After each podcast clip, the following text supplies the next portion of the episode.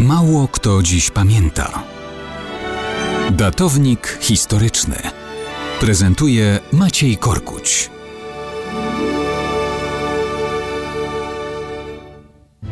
Mało kto dziś pamięta, że w dniach 8-9 listopada 1520 roku król Danii, Norwegii i Szwecji, Chrystian II, pokazał, jak się nie dotrzymuje obietnic złożonych wcześniej. Brzmi to dosyć niewinnie, ale rzeczywistość nie była cukierkowa.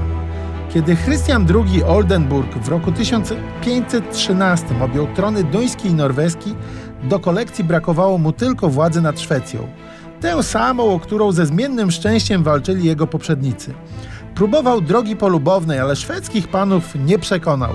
Stąd kiedy wybuchł w Sztokholmie spór pomiędzy szwedzkim regentem a arcybiskupem Upsali, stanął po stronie tego ostatniego i rozpoczął regularną wojnę ze Szwecją. Koleje działań wojennych były zmienne, ale ostatecznie Duńczycy Chrystiana odnieśli decydujące zwycięstwo pod Bogesund.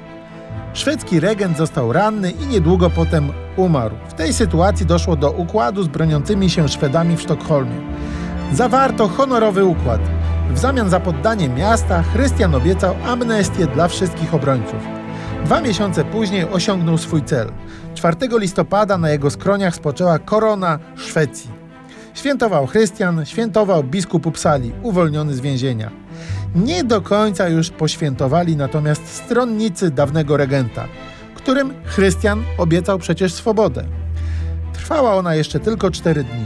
Pod byle pretekstem około setka ludzi została aresztowana, skazana i zamordowana w ciągu dwóch dni. Przeszło to wydarzenie do historii szwedzkiej jako krwawa łaźnia sztokholmska, a sam Chrystian od tamtej pory tytułowany był jako król tyran. Krzywoprzysięstwem wiele nie ugrał. Wkrótce został obalony, a po latach umierał w niewoli. Może jednak warto obietnic dotrzymywać?